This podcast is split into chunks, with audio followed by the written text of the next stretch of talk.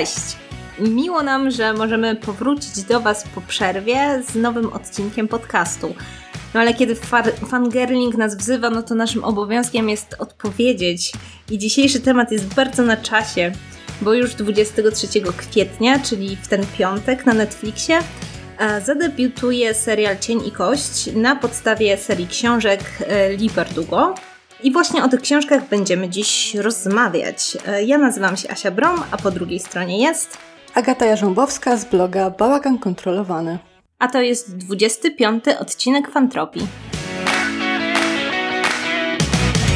Zanim przejdziemy do dyskusji, to jeszcze tytułem wstępu e, nasza rozmowa będzie miała część bezspoilerową, która zaczyna się teraz i ma na celu opowiedzieć Wam trochę o tym uniwersum, i zachęcić Was i do sięgnięcia po książki i po serial. Natomiast potem pogadamy sobie już spoilerowo i damy Wam znać, kiedy ta spoilerowa część zacznie, żebyście mogli sobie ją na przykład odpuścić, jeśli nie chcecie znać szczegółów i przede wszystkim zakończenia historii.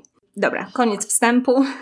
I zaczynamy. E, to tak w ogóle e, o co chodzi? No bo Netflix bardzo mocno promuje serial Cień i Kość, no ale w ogóle skąd to nagle się wzięło i dlaczego tak wybuchło? Dlaczego taki hype? Dokładnie, dlaczego taki hype? No możemy powiedzieć, że po prostu hype jest dlatego, bo gra tam Ben Barnes, prawda? I, i na tym zakończyć.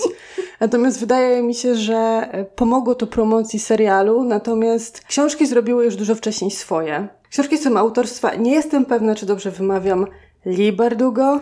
Dobrze, dobrze, tak. I ona wydała pierwszą część trylogii, o, która się nazywa Kość, już w, dwa, w 2012 roku, więc te książki miały naprawdę dużo czasu, żeby zdobyć swoją bazę fanów i można powiedzieć, że zrobiła to szturmem, ponieważ jej pierwsza debiutancka książka znalazła się na ósmym miejscu listy bestsellerów New York Timesa. E, także nawet jeżeli my w Polsce niekoniecznie o tym słyszeliśmy, to w Stanach Zjednoczonych był to prawdziwy, prawdziwy hit. Dużą zasługą, e, dlaczego ten hit był tak duży, jest to, że te książki bardzo mocno są ozacone, przynajmniej trylogia, w klimatach rosyjskich i nie bez powodu, ponieważ Bardugo ma część jej rodziny pochodzi z, e, ma korzenie litewsko-rosyjskie, więc ona po prostu była zafascynowana swoim, e, swoim pochodzeniem. I Wydaje mi się, że w Polsce może to nie być tak bardzo odczuwalne, bo jednak my tam mamy te swoje książki osadzone w klimatach słowiańskich, natomiast e, dla takiego czytelnika amerykańskiego to była bardzo świeża fantastyka. I uważam, że bardzo duże znaczenie właśnie miało to. No i potem bardzo długo kontynuowała, wydała całą trylogię, a później od 2015 i 2016 roku wydała kontynuację tak zwanego Grisha Verse, bo tak się nazywa całość, e, jaką jest Szóstka Wron i Królestwo Kanciarzy. Natomiast w ogóle o czym to jest? Więc trylogia no um, opowiada o to jest takie typowe Young Adult, jeżeli się na tym zastanowimy. Opowiada o dziewczynie Alinie, która niespodziewanie odkrywa swoje moce i e, zostaje zabrana do miejsca, gdzie może te moce rozwijać. I można by na tym zakończyć. Czyli taki vibe trochę Harry Potter, wiadomo, magia, uczenie się swoich e, tam właśnie odkrytych umiejętności, ale jednak nie, jednak zupełnie nie bo świat wykreowany przez Lee Bardugo jest totalnie inny. Dokładnie tak i on jest o tyle inny, że ja w ogóle ja o tych książkach słyszałam najpierw z podcastu Myszmasz, gdzie Mysza długi czas temu, dawno temu zachwycała się tymi książkami. Zapamiętałam tą fabułę właśnie dlatego, ponieważ w tym świecie występuje tak zwana fałda cienia, czyli coś, co trudno powiedzieć czym jest i zakrywa część e, tamtego kraju Rawki. I ta fałda cienia jest po prostu jedną wielką czarną plamą, w której kryją się potwory, ale ponieważ no niestety rozdziela ona jakby kraj na pół, no to od czasu do czasu przez tą fałdę trzeba się przeprawić. Właśnie wyobraźcie sobie Westeros, gdzie mur i to, co się kryje za murem, jest gdzieś tam w środku mapy. Coś mniej więcej takiego. Dokładnie. Przez to, że właśnie jest ta fałda cienia, bardzo mi ta fabuła, zarys tej fabuły został w głowie. I więc kiedy to wszystko zaczęło wracać i ten hype e, na te książki z powrotem wrócił do Polski, przypomniałam sobie, że miałam tę książkę na liście do przeczytania właśnie przez ten charakterystyczny punkt fabularny, którego nie ma nigdzie indziej. Mhm. No tak, bo właśnie jest kilka takich rzeczy, które są dość e, oryginalne, mimo że no cała fabuła jest... no powiedzmy, że korzysta z pewnych takich schematów, no bo już możemy się łatwo domyślić, jeśli mamy dziewczynę, która jest obdarzona wyjątkowymi zdolnościami magicznymi, plus mamy fałdę cienia, to można dodać dwa do dwóch i wyjdzie nam, że tak, właśnie chodzi o to, że tą fałdę cienia trzeba zniszczyć i ktoś to musi zrobić, a nasza bohaterka akurat odkrywa w sobie wielkie moce. Także e, jakby to jest taka najkrótsze, najkrótsze streszczenie tak naprawdę całej fabuły, ale oczywiście tutaj dochodzą jeszcze różne inne rzeczy i różne inne aspekty. No właśnie, ale chyba musimy powiedzieć o tym, kim są gri e, Griszowie i tak naprawdę na czym opiera się magia w tym świecie. Bo to nie jest takie powiedzmy high fantazy, jakie, jakie znamy. I tutaj jednak ta magia jest oparta bardziej na nauce. Właściwie to się nie nazywa magia, tylko właśnie mała nauka. Jeżeli nie jest się Griszą, no to to faktycznie wszystko wygląda jak magia. Natomiast odkrywamy ten świat z punktu widzenia Aliny, która odkrywa swoje moce i która musi się ich nauczyć, więc dowiadujemy się, że to wcale nie do końca chodzi. Ma to pewien aspekt magiczny oczywiście, no bo to ma to być fascynujące, ale równocześnie Griszowie uczą się tak naprawdę manipulowania materią. Dokładnie. I są podzieleni na różne umiejętności e, i na przykład mamy ciałobójców, którzy zabi- za, zajmują się zabijaniem, czyli manipulowaniem e, ciałem, ale mamy także ich przeciwników. Znaczy nie przeciwników, tylko jakby trochę inny, e, czyli uz- uzdrowicieli, po prostu. Ja sobie to wszystko wypisałam, także jakbyś chciała, to mam tutaj ściągę. O, super, bo ja zapomniałam. I oni z kolei zajmują się leczeniem. I to są umiejętności na tyle różne, że na przykład ciałobójca może zasklepić ranę, ale jeżeli masz kwotok wewnętrzny, no to on cię nie uratuje. No w każdym razie tutaj troszeczkę jest tak, to mi... Hmm. To są rzeczy, które trochę przypominają inne rzeczy, jeśli ktoś siedzi w e, literaturze fantazy bardzo. Mi troszeczkę, zwłaszcza e, ci e, materialnicy i formatorzy właśnie przypominali Sandersona i Archiwum Burzowego Światła, bo tam też są takie właśnie umiejętności różne manipulowania i tworzenia materii.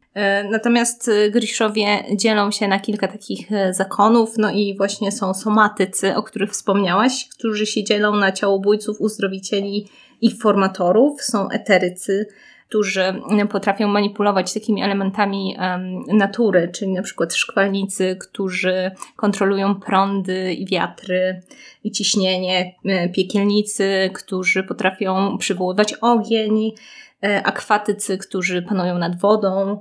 I mamy materialników, czyli um, takich griszów, którzy potrafią um, manipulować różnymi substancjami, wytwarzać na przykład, nie wiem, jakieś substancje wybuchowe i, i, i takie, takie rzeczy. Albo na przykład broń. Tak. Więc jakby e, Rawka, czyli państwo, w którym dzieje, dzieje się historia, opiera się tak naprawdę na dwóch filarach. Jednym filarem jest pierwsza armia, a drugim filarem jest druga armia, czyli właśnie armia złożona z griszów. No i właśnie ten świat w ogóle całościowo jest bardzo ciekawie po, pokazany, bo z jednej strony mamy tą rawkę, gdzie ci griszowie, tak jak powiedziałaś, są tak naprawdę filarem państwa, i Rawka nie jest w stanie bez nich istnieć, ale z drugiej strony mamy dookoła cały świat, o którym mamy wyraźnie w książkach napisane, że tam już Griszowie nie są mile widziani. Mamy e, miejsca, gdzie wręcz Griszów się zabija lub gdzie oni muszą normalnie zapracować na swoje utrzymanie. Tutaj najważniejszym punktem jest to, że w Rawce sytuację Griszów, taką jaką jest, wypracował Zmrocz, dla tych, co nie lubią tego tłumaczenia Darkling, który jako jedyny ma wyjątkowe moce, ponieważ on jako jedyny potrafi manipulować ciemnością. I jak tutaj się możecie szybko domyśleć, Alina jest tak samo wyjątkowa jak on, tylko że Alina manipuluje światłem i to widać już w zwiastunach, więc jeżeli ktokolwiek się interesował serialem, to nie jest żaden spoiler. I oni są w naturalny sposób taką przeciwwagą dla siebie, tak jak mamy właśnie ciałobójców i uzdrowicieli, tak mamy światło i mrok, przy czym Alina jest tą dziewczyną, która, tą osobą, no bo nie było wiadomo, czy ma być dziewczyna czy chłopak, którzy byli przepowiadani Grishom od lat, którzy mieli tą urawkę właśnie uratować. I tutaj z kolei przychodzi trochę do głowy Harry Potter e, z wielką przepowiednią chłopca, który przeżył. Natomiast jeżeli ja myślę o tych książkach, to mi się z kolei kojarzy na przykład jeszcze z trylogią Czarnego Maga, bo tam też był właśnie wysoki mag ubrany na czarno, który wiedział więcej niż inni, więc naprawdę jest tutaj trochę wszystkiego, z czym można pobrać z, ze świata fantazy. W ogóle przystojni magowie ubrani na czarno to jest temat na osobny podcast. I tak sobie właśnie pomyślałam, jak mówiłaś o tym, że książki Cienikość zadebiutowało w 2012 roku i to był czas, kiedy ja się strasznie jarałam w ogóle e, MCU i Lokim i sobie tak myślę, że cieszę się, że tych książek nie odkryłam wtedy, bo nie wiem, czy moje serce by pomieściło Lokiego i Zmrocza. Chyba nie. Także już, jak możecie się domyślić, będzie trochę fangirlingu, ale też e, myślę, że książki są na tyle ciekawe, że można sobie fajnie podyskutować na temat tego świata, bo tak naprawdę te wątki, oczywiście, że jest to, są to książki dla młodzieży i są pewne takie wątki typowo młodzieżowe i też takie romansowe i fanfikowe, ale przede wszystkim jest to też bardzo sprawnie napisana e, i bardzo spójna i trzymająca się kupy historia z bardzo fajnym światem przedstawionym. I ta, ten, ten klimat tej takiej XIX-wiecznej Rosji jest naprawdę jedyny w swoim rodzaju. Tak, ja też się z czymś takim nie spotkałam i przyznam szczerze, że trochę e, podczas czytania mm, ciągle zaskakiwało mnie na zasadzie, e, ile rzeczy tam było upchanych i trochę żałowałam, że może przez to, że żyjemy w, w klimacie słowiańskim, może wręcz nie jestem w stanie wszystkiego wyłapać, jak bardzo inny jest to świat od wszystkiego, co znamy ale chociażby wtrącenia rosyjskie, czy caryca i tak dalej, bo tam mamy przecież nie króla i królową, tylko cara i caryca. To wszystko ma taki swój niepowtarzalny klimat i, i od razu przenosi w ogóle wyobraźnię w klimaty i, i, i miejsca, gdzie, no, gdzie się nie bywa w świecie fantazy tak naprawdę, no bo na, najczęściej jednak są to anglosaskie tereny, najczęściej jest, na, nawet nasz słowiański Wiedźmin wzorowany jest na anglosaskich terenach, na anglosaskiej literaturze fantazy. No to jest coś takiego naprawdę wyjątkowego, więc jeżeli lubicie mm, klimaty fantazy, chcielibyście coś bardzo oryginalnego, to i lubicie w ogóle światy przedstawione i poznawanie ich, to uważam, że e, warto przymknąć oko na to, że to jest literatura dla młodzieży, tym bardziej, że to jest książka, którą faktycznie się siada i się po prostu czyta. Ona jest bardzo lekko napisana. Ja bym chciała jeszcze dodać do tego, że to nie jest tylko i wyłącznie fantazy, tylko ja się tak gdzieś w połowie drugiego tomu zorientowałam, że to jest po prostu zajebisty steampunk tak naprawdę i nawet sama autorka e, w jednym z wywiadów, które były umieszczone na końcu książki, e, właśnie mówiła, że gatunek tych swoich powieści ona sama określa jako carpunk. Więc tak jest, bo zwłaszcza w drugiej części E, kiedy się pojawiają nowe postacie, które, mm, szczególnie jedna, która jest y, po prostu świetnym wynalazcą i pewnie się domyślasz, o kim mówię. I, I tam się pojawiają na przykład różne latające maszyny, które są wynikiem po prostu tego, że Rawka trochę się... Yy, trochę przestaje polegać na griszach, a zaczyna na technologii coraz bardziej. Ale ta połączenie tej rodzącej się technologii e, z, jeszcze z mocą griszów po prostu sprawia, że to jest totalnie coś właśnie e, jedynego w swoim rodzaju. Tak, e, masz rację, że warto o tym wspomnieć, bo jednak faktycznie jak o tym zaczęłaś mówić, to tam nikt nie biega z mieczem i nie walczy z potworami. Tam się strzela do siebie Tam są karabiny, tak.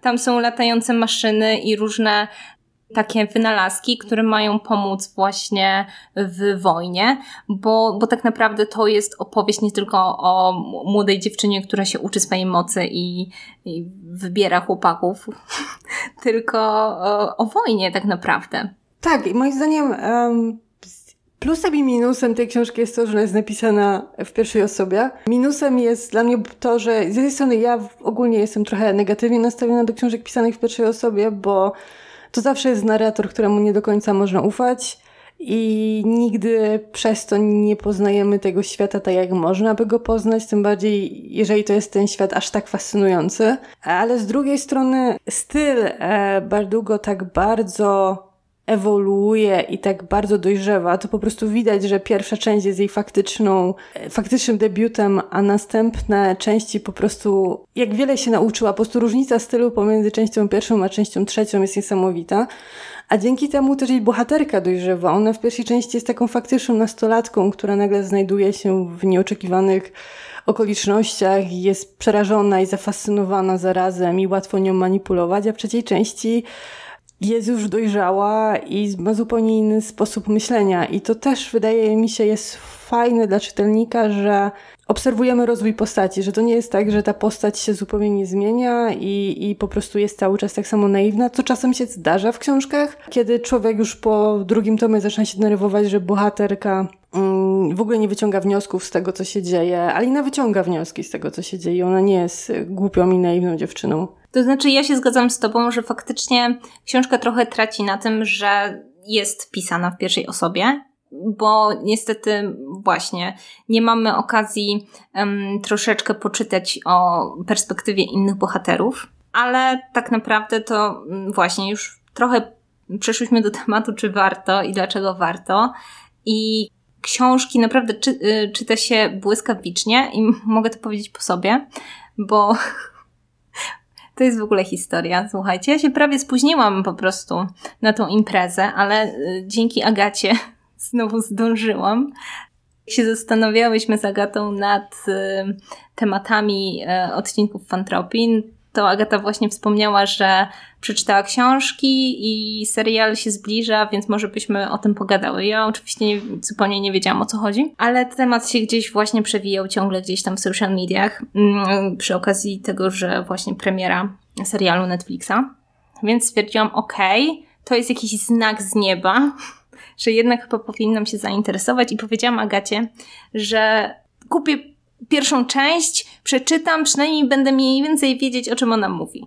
No więc po tygodniu od tej naszej rozmowy na Facebooku miałam już przeczytane trzy książki i właśnie jestem w trakcie szóstki wron, także to się naprawdę szybko czyta. Dawno, dawno nie miałam takiej dobrej zabawy i tak szybko nie pochłaniałam książek. I to, o czym powiedziałaś, ja w ogóle polecam tą książkę wszystkim aspirującym pisarzom i wszystkim, którzy piszą i zmagają się ze swoim stylem i trochę w siebie wątpią i w ogóle. I w ogóle dlatego, że to jest absolutnie niesamowite, jaki progres wystąpił u autorki pomiędzy właśnie pierwszą a trzecią częścią. Y, ja wiem, że o tym się mówi i o tym czytałam, ale sama nie mogłam uwierzyć i faktycznie, jeśli na przykład próbowaliście czytać pierwszą część i coś wam tam nie podpasowało, to dajcie szansę, dlatego że trzecia część jest po prostu przecudowna. Naprawdę. I jakby tutaj każda osoba, która pisze coś i próbuje coś stworzyć swojego, powinna te książki przeczytać właśnie i nauczyć się, że, że po prostu trzeba pisać i będzie lepiej. Dokładnie tak. I to po prostu widać we wszystkim. Widać to w opisach, widać to e, w dialogach w ogóle. Inna sprawa, że Bardugo już moim zdaniem od pierwszej części pokazywała, że ona ma dryg do dialogów, bo tam też się zdarzały perełki. Natomiast jej bohaterowie są po prostu charyzmatyczni. I moim zdaniem te rozmowy między nimi, to przerzucanie się różnymi złośliwościami, to jest coś, co niewielu pisarzy potrafi i to jest coś, co, przy czym ja się po prostu najlepiej bawiłam. Jak ona by po prostu, jak ona by napisała książkę, która by się składała z samych dialogów i tak bym to czytała. E, to prawda. E, powiem Ci, że o ile na przykład pierwszą część czytało mi się dobrze, ale jeśli chodzi o poziom, to traktowałam to jak taki w sumie dobry fanfic. To już trzecia część, jeśli chodzi o zwroty akcji i dynamikę i właśnie na przykład dialogi, które są strasznie błyskotliwe i właśnie mm, wytwarzają po prostu taką chemię pomiędzy bohaterami, e, no to, to było absolutnie niesamowite. Także ja jestem i, i bez spoilerowo jeszcze, ale powiem, że generalnie całość jest po prostu bardzo fajna i ja ostatnio niestety cały czas, e, nie ostatnio, ja cały czas czuję traumę troszeczkę po zakończeniu gry o Tron i trochę się zawsze boję, że historie, w które się wkręcam, skończą się źle, ale źle w sensie po prostu niesatysfakcjonująco.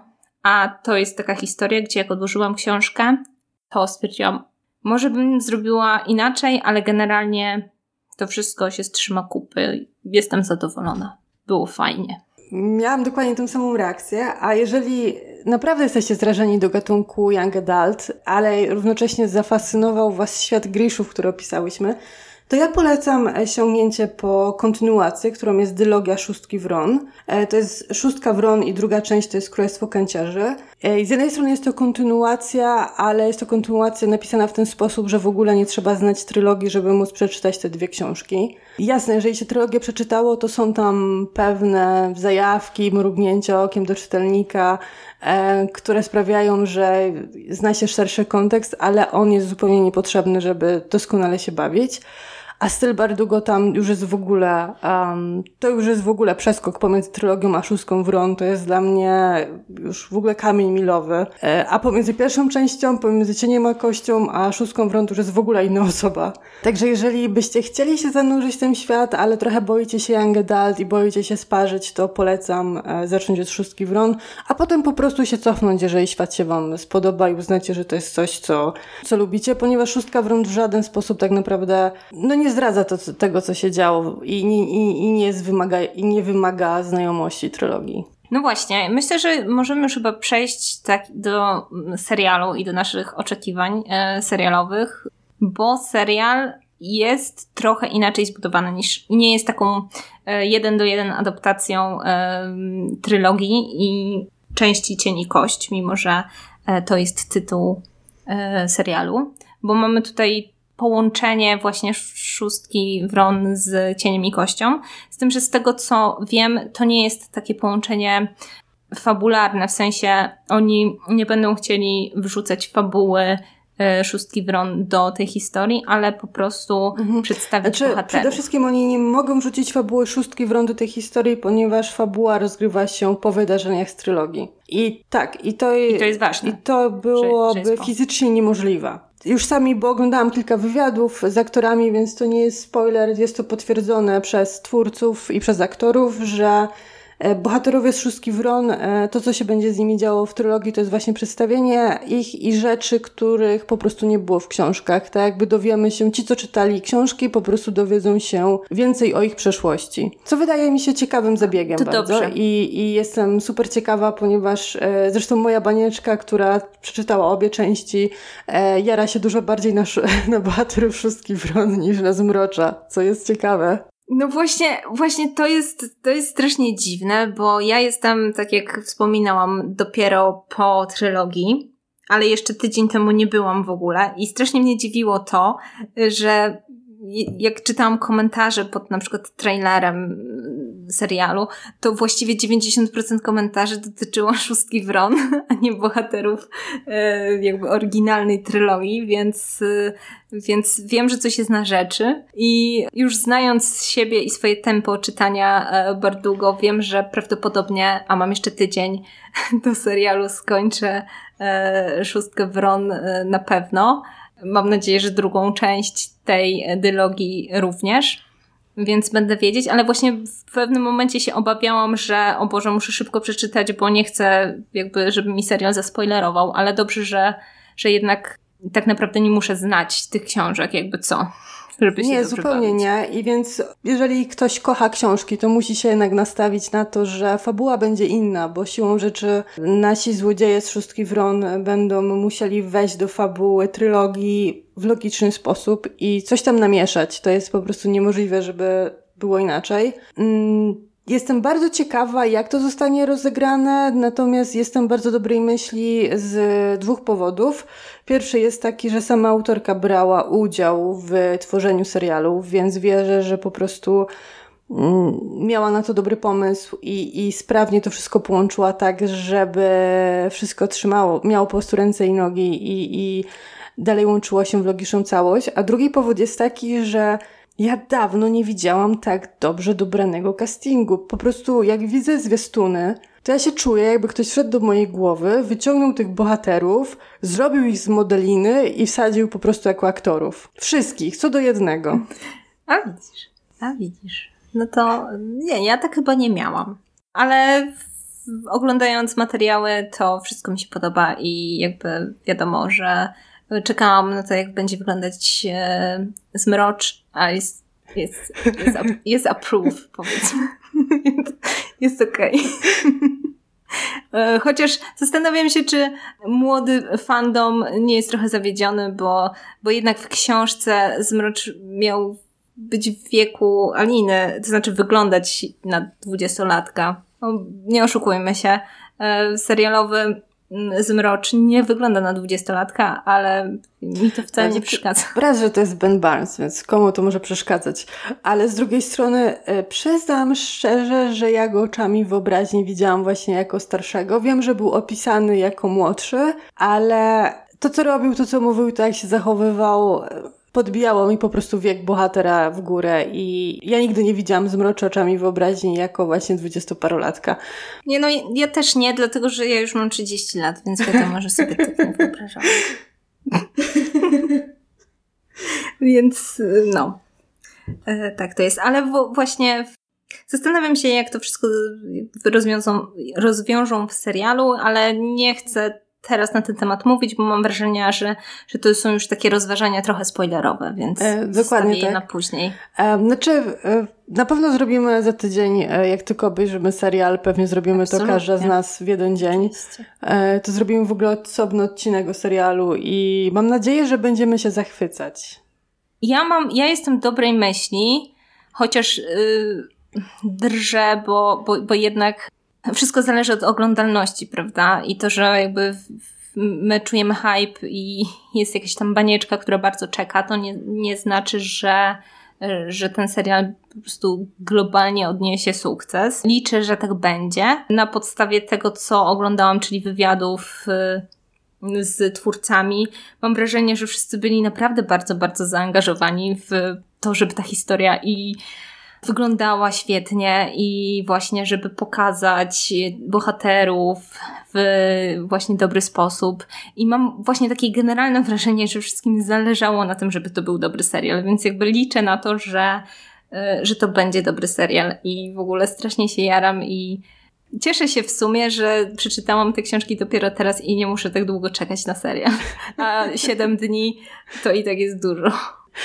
Ja mam nadzieję, że to będzie globalny sukces, dlatego, bo on po prostu wygląda dobrze. To nie jest niskiej jakości serial Netflixa, w którym efekty specjalnie wyglądają źle. W każdym razie mam nadzieję, że to nie jest tak, że najlepsze rzeczy wrzucili do zwiastunów i filmików promocyjnych, a cała reszta wygląda źle. Natomiast to, co widać na zwiastunach, to tam jest naprawdę masa pieniędzy wsadzono w efekty specjalne. I to wygląda naprawdę, naprawdę dobrze. Ja się bałam strasznie e, fałdy cienia, bo to jest coś, co można naprawdę kiczowa to zrobić, a to wygląda w zwiastunach bardzo dobrze. Ja się zastanawiałam, jak będą wolkry wyglądać. Hmm. A wolkry to są potwory, które właśnie mieszkają w fałdzie cienia i ich istnienie właśnie bardzo utrudnia podróż przez tę fałdę cienia, więc to jest największy problem, jaki mają mieszkańcy Rawki. E, I bardzo byłam ciekawa, jak zrobią te potwory, dlatego że one w książce są opisane jako stwory, które mm, mają trochę przypominać ludzi w jakiś sposób, więc wydaje mi się, że zrobili to bardzo dobrze. Mhm.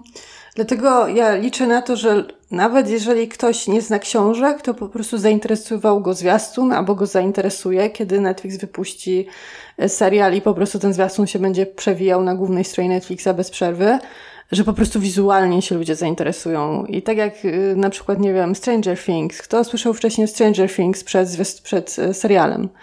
No, to prawda. Jezus Maria, ja, mam, ja naprawdę trzymam kciuki za ten serial, dlatego że ja po prostu sobie nie potrafię absolutnie wyobrazić sytuacji, kiedy ja się dowiem, że ten serial na przykład zostanie skasowany, a przecież jest tyle jeszcze świetnych rzeczy, no bo wiadomo, no to jest pierwszy sezon, będzie miał 8 odcinków. Zobaczymy być może jakiś wycinek fabuły albo fabułę y, pierwszej części, no ale przecież najlepszy dopiero przed nami, więc, więc mam nadzieję, że Netflix da szansę temu serialowi, bo naprawdę e, serial, tak samo jak książka, po prostu może być tylko lepszy z sezonu na sezon. Totalnie się zgadzam. Więc po prostu, zanim przejdziemy do spoilerów, to polecamy z całego serca. Bierzcie, czytajcie z Oglądajcie. tego wszyscy i... I oglądajcie dokładnie i bawmy się dobrze.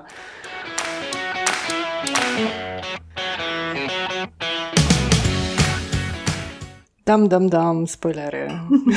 No dobrze, no to teraz przechodzimy do dyskusji spoilerowej, bo jesteśmy dość na świeżo z tymi książkami, zwłaszcza ja i ja zasypowałam Agatę swoimi przemyśleniami w trakcie czytania, takimi bardzo kompulsywnymi, ale fajnie będzie to wszystko zebrać i pogadać. Myślę, że po prostu porozmawiamy sobie o postaciach. Mhm bo myślę, że bez, myślę, że to będzie dobre po prostu jakieś tam um, ułożenie tego um, w spójną całość. Zacznijmy od Aliny, naszej głównej bohaterki. Przyznam szczerze, że ja Alinę bardzo polubiłam, co też nie jest dla mnie taką naturalną rzeczą, jeżeli czytam książki w pierwszej osobie, bo mi się zdarza odbijać i uważać, że czytam o bohaterce, która jest najmniej ciekawa ze wszystkiego, co jest dookoła.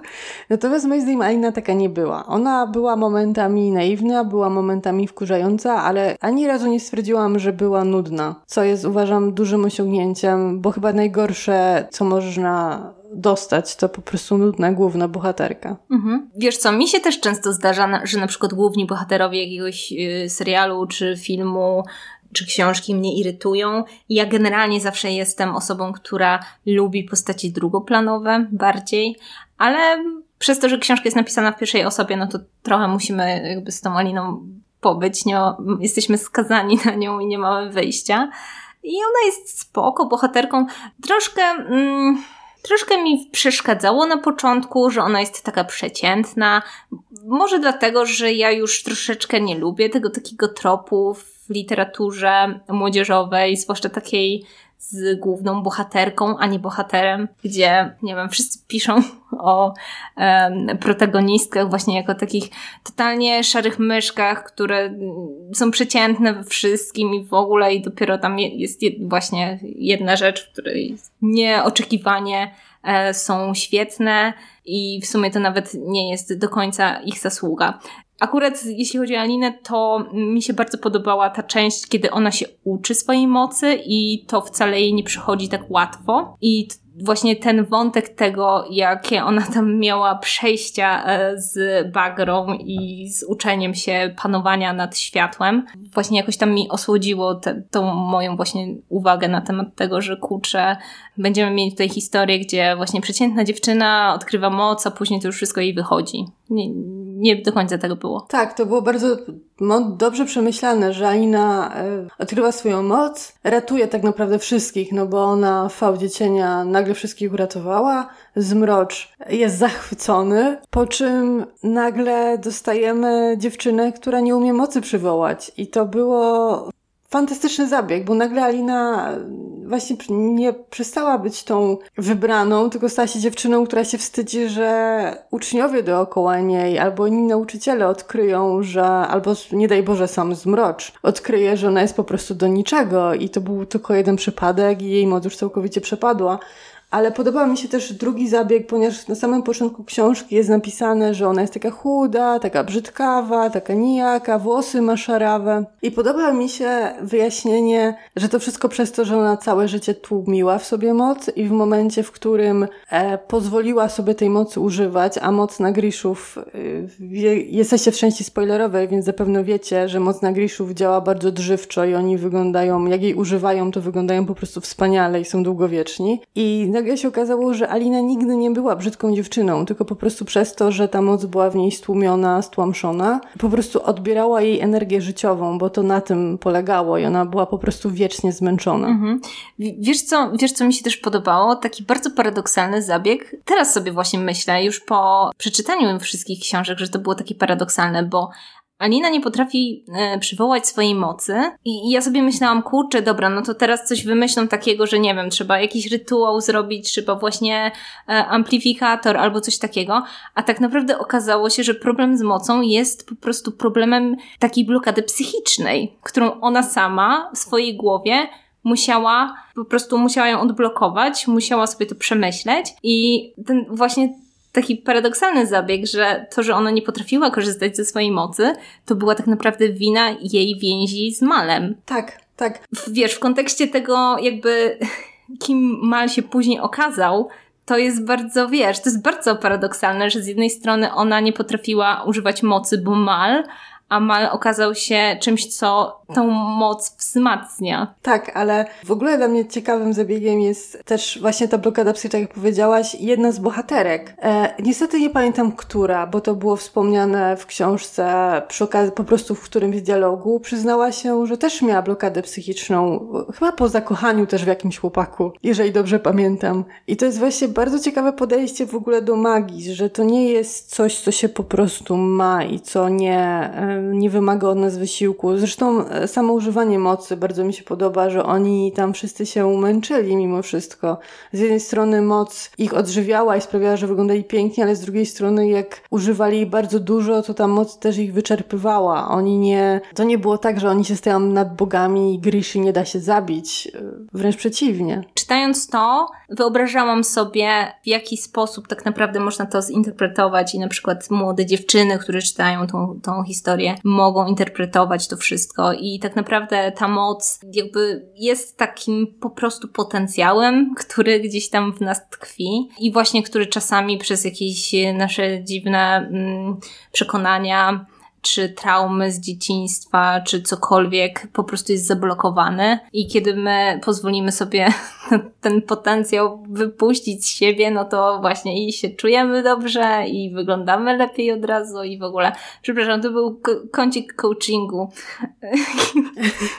ale jakby tak w wymiarze symbolicznym po, powiedzmy, że ta historia też jest taka dość fajna, jak ją tak przepisać, mhm. wiesz, na e, nasze nudne życia. Tak, zdecydowanie. Tak myślę że co można powiedzieć o Alinie. Um, podobało mi się też to, że e, ona miała taki moment takiego dojrze dojrzewania i przestania polegać na innych, mhm. w sensie doszła do takiego momentu, w którym zaczynała, zaczęła sama podejmować decyzje, pomimo, że na przykład jako czytelnik wiedzieliśmy, że na przykład nie jest pewna, ona się ciągle boi, ale mimo wszystko dojrzała do tego momentu, że w pewnym momencie faktycznie stała się jej liderką. Tak. Mnie się bardzo podoba jej przemiana i strasznie mi się to podobało właśnie w trzeciej części, bo ona jakby w drugiej części trochę jest najbardziej zagubiona, bo to jest taka, jakby wiadomo, to jest, to jest druga część środkowa. Imperium kontratakuje. Wszystko musi się zawalić, wszystko i, i, tam są konflikty, wszyscy są nieznośni i w ogóle. Ale w trzeciej części ona jakby dochodzi do tego, że musi wziąć odpowiedzialność za siebie, za swoją moc i to w jaki sposób role się odwracają na przykład i to nie zmroczy do niej przychodzi, tylko ona do niego. Jest po prostu świetne. Bardzo mi się to podoba i ta zmiana w bohaterce. Aczkolwiek powiem Ci, że trochę mi brakowało jakichś większych błędów, które ona by popełniała i tak sobie właśnie myślę, jeśli chodzi o bohaterów, że brakuje mi takich bardzo dramatycznych zachowań, które wpływają po prostu na nich, e, bo ta przemiana jest, ale brakowało mi jakby takiego bardziej wyraźnego momentu, kiedy ta przemiana u Aliny na przykład mogła się dokonać. I gdybym na przykład mogła zmienić coś w tej historii, to chyba bym pozwoliła Alinie na popełnienie jakiegoś takiego dużego błędu. Bo ona e, oczywiście ma tam swoje e, różne wahania i w ogóle, ale tak naprawdę to ona zawsze w dobrym momencie się wycofuje. I tak sobie pomyślałam, że gdybym mogła po prostu napisać coś inaczej, to chyba bym pozwoliła Aninie troszeczkę dłużej posiedzieć sobie w tym małym zamku i może coś z tym zmroczem zrobić. Nie, niekoniecznie chodzi mi o chowanie się w bawialniach podczas balów.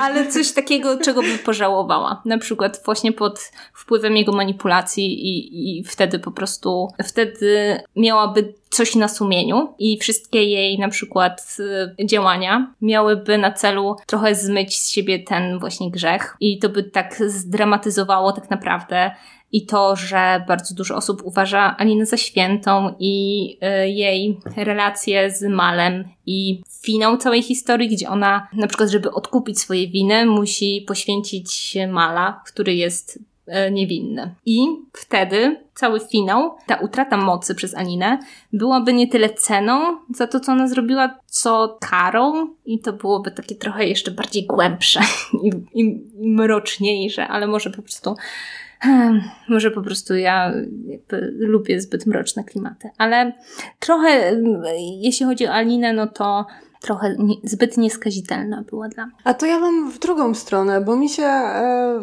podoba to, że ona właśnie przez długi czas się wycofywała, bo jednak była tą dziewczyną z sierocińca, która była niepewna i nie wiedziała, co ma z sobą zrobić i na przykład ja uważam za ogromny błąd, który popełniła na końcu pierwszej części, nie zabijając Jelenia Mrozowa, który po prostu odzwierciedlił jej zachowanie na końcu trzeciej części, kiedy wiedziała, że no nie może drugi raz popełnić tego samego błędu i musi zabić Mala. To, co ja bym zrobiła, to ja bym zostawiła Mala nieżywego.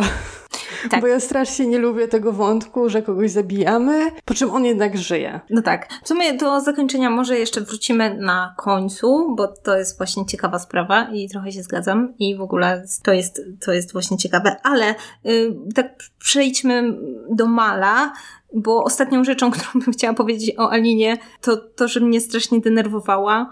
Denerwowało jej przywiązanie do Mala, co okazało się faktycznie bardzo sensowne, natomiast w drugiej części byłam tak wściekła, bo ich relacja mi się tak bardzo nie podobała. I ten Mal totalnie po prostu mi nie podszedł jako bohater. I wydawało mi się, że to już tak zostanie do końca i się będę wkurzać, ale trzecia część pod tym kątem była naprawdę bardzo fajna i zdążyłam na, nawet polubić Mala. I jakoś tak, dlatego, że oni w trzeciej części po prostu mieli więcej czasu, żeby ze sobą porozmawiać. I ja w końcu zaczęłam troszeczkę bardziej poznawać tego Mala. Natomiast w drugiej części mało ze sobą rozmawiają. Jak już rozmawiają, to zazwyczaj mają do siebie jakieś pretensje i zasadniczo to nie wiedziałam, co tą Alinę tak bardzo ciągnie do tego, y, do tego mala. Ale jakby to wszystko było bardzo logiczne, faktycznie. I teraz sobie wyobraźcie mnie, która dostaje multum wkurzonych wiadomości i może napisać Asi, że mal jest amplifikatorem i to wszystko ma ręce i nogi.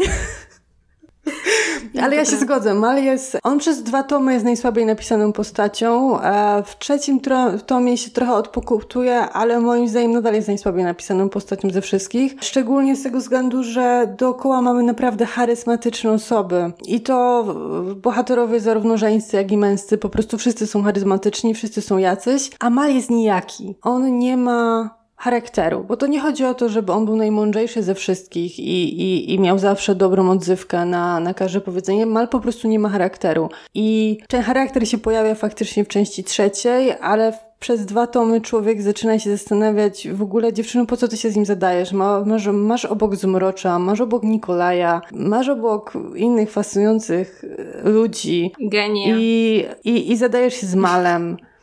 No to prawda. No ale faktycznie, to znaczy tak, jest, byłam w stanie zrozumieć jej przywiązanie, no bo faktycznie to był jej jedyny przyjaciel z dzieciństwa, oni się wychowywali w sierocińcu razem i w ogóle. Trochę mnie drażnił wątek właśnie mm, tej miłości, ponieważ e, ona tak przyszła znikąd troszkę. To znaczy, my wiemy już od początku e, pierwszego tomu, że Alina się podkochuje w tym malu, natomiast on totalnie nie zwraca na nią uwagi, podrywa inne dziewczyny, w ogóle tam sypia sobie z kim tam chce, nie? A jak Alina chce ten, to po prostu bagra przychodzi i wszystko się sypie. No to jest niesprawiedliwe po prostu. No, w każdym razie, w każdym razie ja nie... Przepraszam, ale to było takie fajne. No, dlaczego nie daliście po prostu ani nie się wyszaleć w tej książce? Po prostu to jest straszne. No, nie dostała dziewczyna takiej możliwości, niestety. Miała dwie szanse. Tak, to prawda. Miała dwie szanse. Zmrocz był chętny, Alina była chętna. Wszyscy byli chętni. O, no, ale niestety, no i ten mal, tak, i ten mal ciągle i ciągle totalnie nieracjonalne. To znaczy, wiadomo, że mm, mogli być przyjaciółmi i w ogóle, ale też z, totalnie nie wiem skąd się y, wzięła z, od, zmiana w samym malu, dlatego że tak jak mówię, no Alina faktycznie się podkochiwała, ale ten mal totalnie nie. Ja nie wiem, kiedy on nagle stwierdził, że jest zakochany.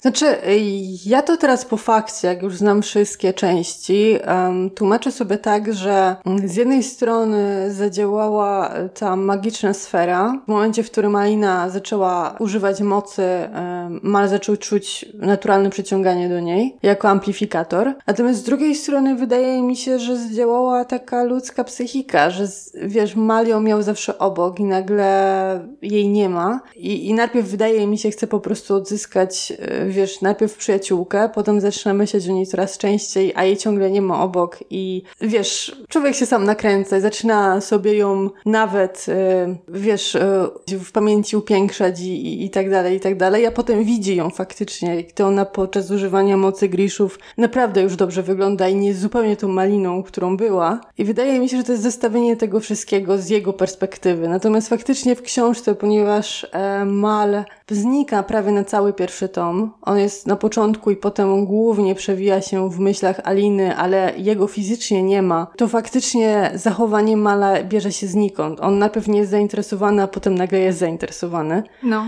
I to jest po prostu moje nadpisanie sobie tego, czego w książkach nie ma. Po pierwsze liczę na to, że serial to będzie okazja, żeby te postacie jednak pokazać w innym świetle i je trochę pogłębić i ja bardzo liczę na to, bo ja nie jest, jakby nie hejtuję Mala totalnie. Ja uważam, że to była postać z potencjałem, który nie został totalnie wykorzystany i też Ci o tym wspominałam, że e, pod koniec pierwszego tomu taka scena po napisach, jak ja to nazywam, autorka dodała list, który e, Mal pisał do Aliny i ten list oczywiście się gdzieś zagubił, nigdy do niej nie, to, nie dotarł. I to był naprawdę chwytający za serce list. I tak, tak, sobie wtedy pomyślałam, że szkoda, że my nie, nie możemy e, troszeczkę wejść w głowę tego mala i nie możemy trochę prześledzić historii z jego perspektywy, bo myślę, że to by nam dużo dało też, jeśli chodzi o właśnie ich relacje, bo no to, co jest w książce, no jest takie właśnie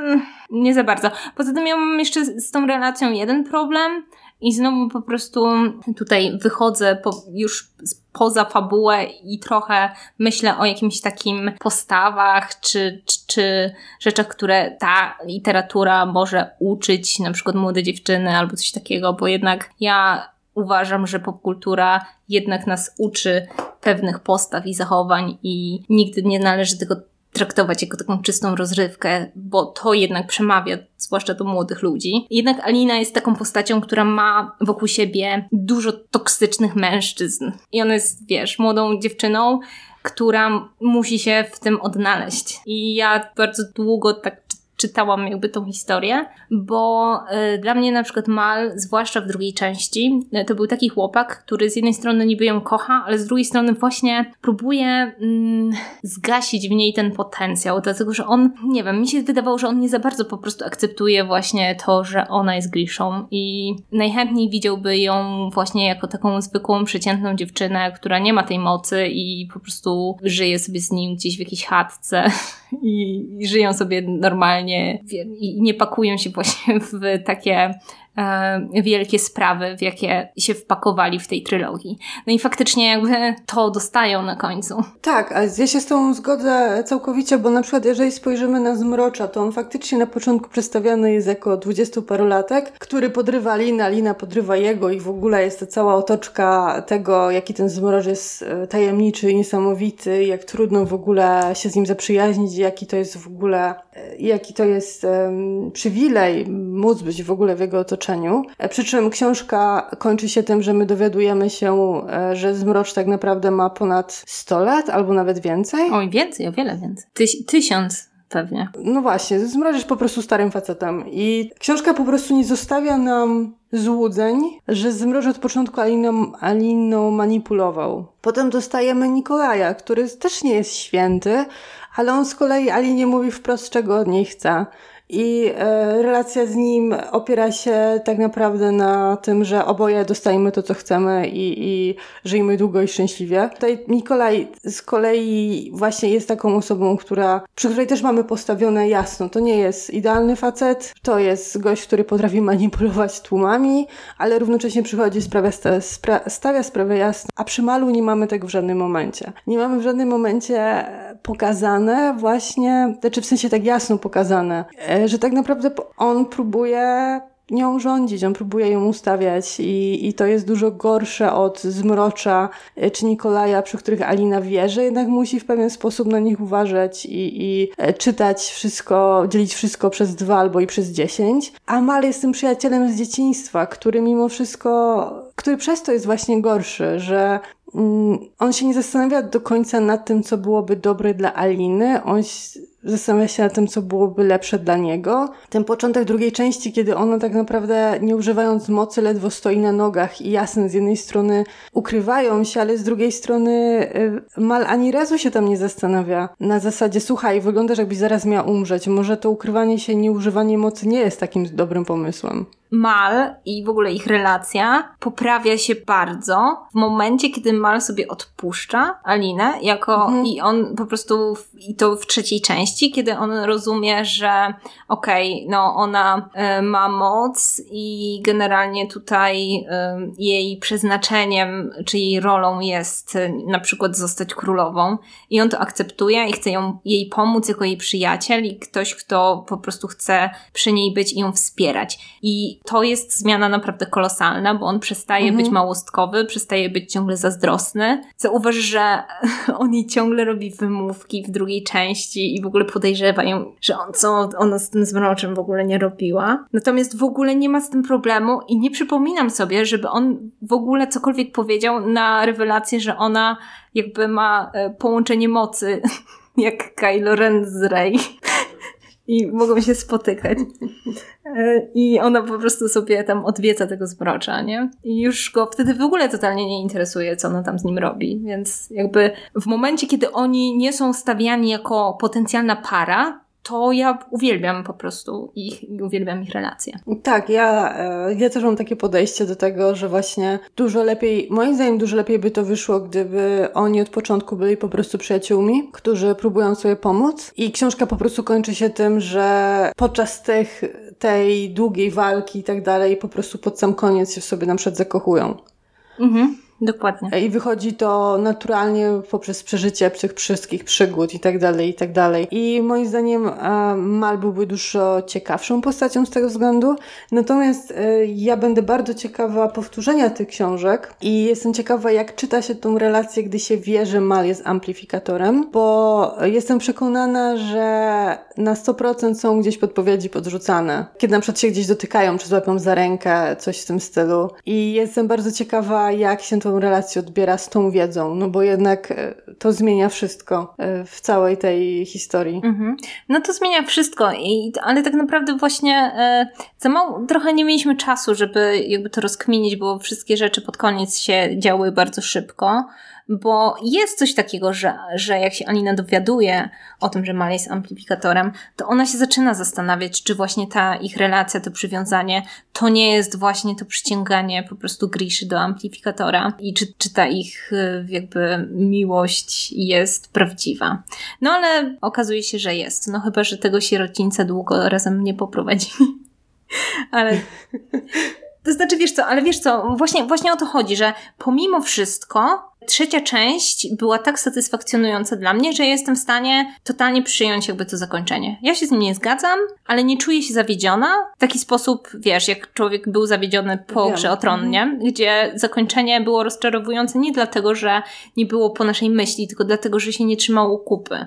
A tutaj jednak wszystko się trzyma kupy i ja po prostu stwierdziłam, okej, okay, dobra. Skoro tak, skoro się kochają, dobra, niech robią, niech prowadzą ten siolecieniec, trudno. Ale wiesz co, ja miałam bardzo podobne podejście, bo tak jak powiedziałam, ja nie lubię zabiegów, w którym e, jeden bohater musi zabić drugiego, a potem jednak jest cudowne zmartwychwstanie. Nawet jeżeli to jest wytłumaczone magicznie. Natomiast nie zmienia to faktu, że uwielbiam sam epilog, jak oni ten sierocinek sprowadzą i się nawzruszałam na samym końcu. Pomimo, że ja bym osobiście przeprowadziła to inaczej. I tak, to jest zakończenie, który, z którym można się zgadzać, można się nie zgadzać, ale równocześnie jest takie, jakie powinno być i nie psuje tych książek w żaden sposób. Myślę, że może czas przejść do zmrocza. No tak, właśnie. Trzeba przejść do zmrocza. Bo przede wszystkim jak Ci się podoba tłumaczenie?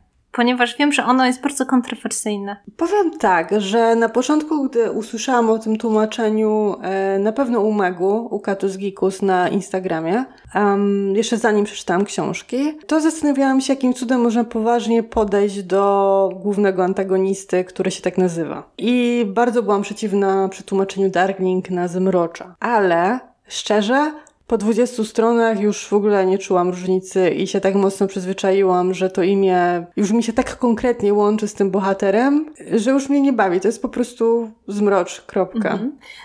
wiesz co, właśnie ja na początku byłam trochę zdziwiona, ale bardzo szybko się przyzwyczaiłam. Uważam, że to jest bardzo fajne tłumaczenie. Może jakby jako ćwiczenie kreatywne kiedyś sobie zrobię e, taką e, burzę mózgów jednoosobową, żeby wymyślić może jakieś e, też inne określenia.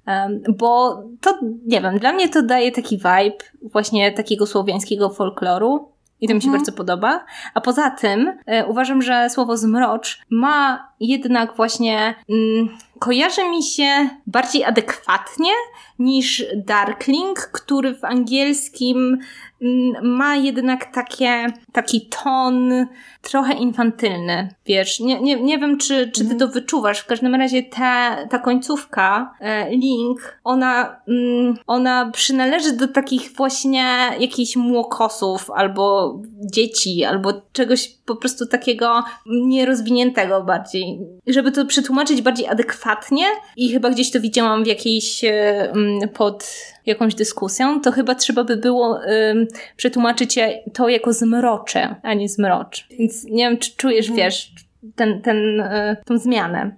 I, bo faktycznie y, w książce no, Zmrocz jest bardzo młody, znaczy młodo wygląda i być może po prostu te jego, ten jego tytuł oddaje coś takiego, nie wiem, albo mało poważnego, albo właśnie albo mm. coś takiego bardziej, hmm, sama nie wiem. W każdym razie Zmrocz jest okej. Okay. Bardzo się przyzwyczaiłam. Byłam bardzo zawiedziona, że w serialu nie będzie zmrocza. A czy nie, w tłumaczeniu będzie? To znaczy chodzi mi o to, że w, jakby w serialu będzie e, generał e, Kirigan. Mhm. Ale tak sobie teraz pomyślałam, bo ty znalazłaś informację, że w serialu e, właśnie Darkling zmroczy ma być używany za jego plecami pogardliwie. I to mi bardzo pasuje do tego teraz, co powiedziałaś, tak. że to ma być coś takiego właśnie niedojrzałego. I e, może po prostu po czasie bardzo go zmieniła koncepcja, bo może po prostu porozmawiali, y, wiesz, z, y, autorzy scenariusza też to odczuwali bardziej w ten sposób i, i dlatego to zostało to zmienione w serialu. No tak, właśnie jestem ciekawa, w którą stronę to, to pójdzie, bo to mi pasuje i mało jednak było w tego w książce, a jednak ta koncepcja, że wszyscy się zmrocza boją i tak naprawdę nim pogardzają jako kimś, kto praktycznie nie jest ludzki i jego moc jest wręcz taka demoniczna, bo tak on zostaje przedstawiony na początku, kiedy my jakby poznajemy dopiero Aninę i to jest troszeczkę takie gadanie właśnie jakichś prostych żołnierzy, którzy totalnie nigdy pewnie go na oczy nie widzieli, ale właśnie mają takie przeświadczenie, że to kim on jest, jest totalnie nienaturalne, więc później już tego nie ma, w sensie nie widzę takiego, y, takiej jakiejś pogardy wo wobec niego za plecami. On jest jednak szanowany. Bo Griszowie y, z jednej strony chcą z nim współpracować blisko i to jest dla nich no awans tak naprawdę w strukturach, a z drugiej strony no gość jest przerażający tym, co potrafi zrobić. Trudno pogardę, gardzić kimś takim. Znaczy, zwłaszcza, że on dla Griszów jakby jest jednak niełaskawy może, jeśli chodzi o jakąś zdradę albo coś takiego, ale jednak dba o nich. Tak, no on tak naprawdę, to on sprawił, że Griszowie w Rawce mają władzę, jaką mają i, i, i są poważanymi obywatelami tak naprawdę, no bo przynajmniej tak rozumiem z tworzenia tego świata, że w żadnym innym kraju dookoła tego nie ma. Rawka jest pod tym kątem wyjątkowa, więc Zmrocz z jednej strony jest tym bohaterem, który, przypominam, to jest sekcja spoilerowa, który stworzył fałdy cienia, a z drugiej strony e, jest tym bohaterem, który i lubię tego bohatera z tego względu, że to nie jest tak, że on um, nie działa że on nie działa dobrze, w sensie on ma swoje powody, dlaczego jest jaki jest i dlaczego robi to, co robi i co chce osiągnąć i z jego perspektywy to wszystko ma logiczne uzasadnienie. On nie jest zły, bo jest zły, kropka. Mm. E, I, a z drugiej strony jest tak stary, że e, myślę, że trochę każdy z nas zaprzepaściłby swoje człowieczeństwo, mając tyle lat co on. I to wszystko po prostu wspina się w naprawdę intrygującą postać. Generalnie ja uważam, że to jest postać, która ma o wiele, wiele, wiele więcej potencjału niż zostało to pokazane w książce. Ale ja właśnie takie postacie lubię i wydaje mi się, że to jest um, też um, powód, dla którego te książki są tak popularne i tak chętnie czytane, dlatego że ja mam wrażenie, że w ogóle wszyscy bohaterowie w tej książce są tak e, pomiędzy takim e, schematem a głębią. To znaczy, oni nie są jakoś tak mhm. bardzo, bardzo jakby psychologicznie pogłębieni, no bo jakby tutaj mamy przede wszystkim bardzo dynamiczną akcję i dużo rzeczy się dzieje i nie ma trochę czasu na to, a z drugiej strony nie są tacy do, do końca schematyczni i mają takie właśnie zalążki ciekawych wątków. Dlatego ja właśnie mhm. liczę na serial, że te zalążki weźmie i zacznie je rozwijać. Poza tym, dzięki temu, że tam są te zalążki, to te uniwersum właśnie potrafi troszeczkę dłużej zabawić w naszej wyobraźni. I mamy ochotę tak. o tym myśleć i myśleć właśnie, jakby to można było inaczej zrobić i, i pisać fanfiki i w ogóle rozwijać tych bohaterów w naszych głowach, bo jeśli chodzi o Zmrocza, no to tutaj bardzo, bardzo dużo rzeczy można by dopowiedzieć. I ja też dziś już wspominałam o tym, że ja bym bardzo chętnie przeczytała jakąś trylogię o Zmroczu, bo jest dużo, mhm. myślę, historii, które by można było opowiedzieć, zwłaszcza, że Zmrocz właśnie żyje bardzo długo i tak naprawdę był głównym rozgrywającym w tej historii Griszów w Rawce, więc to byłaby naprawdę bardzo ciekawa historia. Bardzo ciekawa historia byłaby, gdyby Bardugo zechciała nam opowiedzieć, jak doszło do stworzenia fałdy cienia. O tak, to by było super. I w ogóle Zmrocz jest też fajnie poprowadzony z tego powodu, że Bardugo pokazuje nam go też jako zwykłego człowieka, który na przykład ma słabość do Aliny, e, przed którą się wzbrania przez jakiś czas. E, I, I to też jest, nadaje mu kolejnej warstwy, takiej bardziej ludzkiej, bo na przykład mi tego brakowało, tak nawiązując do innego, do innej serii w Harry Potterze. W sensie, jasne, poznaliśmy młodość Voldemorta, ale potem Voldemort już był taką postacią, takim pewnym e, e, brakuje mi słowa, takim pewnym posągiem, w sensie Ach, on może? Dokładnie tak, że on e, miał tych kilka cech, pogłębiliśmy jego dzieciństwo, ale już jako Voldemort, Voldemort, to on był po prostu zły i tyle. nienaruszalny. Okay. Tak, on był po prostu zły. E, I w Zmroczu podoba mi się to, że on, kiedy ma przy wielu scenach z Aliną, w szczególności w pierwszej części, to jest po prostu człowiek, który sobie z nią rozmawia, żartuje, potrafi się roześmiać, ma tam bliższych i dalszych znajomych wśród, kliszy, wśród kliszów i jakoś tak w mojej głowie było, że jak te drzwi się tam za nim zamykają i Iwan siedzi razem z Iwanem, to na przykład rzucają sobie żarcikami. Bo tak został poprowadzony, że jestem w stanie sobie to wyobrazić. Właśnie wydaje mi się, że ja mam totalnie inne y, odczucia, bo wydaje mi się, że właśnie Bardugo jednak pokazuje w tej y, historii, że Zmrocz pewnych rzeczy po prostu nie rozumie. Dla te, ten wątek tego, że on już jest stary i trochę zmęczony tym wszystkim i nie odczuwa już tak rzeczy, jak na przykład Alina, jest bardzo ważny i dlatego wydaje mi się, że właśnie on nie za bardzo ma znajomych i, i przyjaciół i nie za bardzo się angażuje w jakiekolwiek emocjonalne e, relacje z ludźmi, że tak naprawdę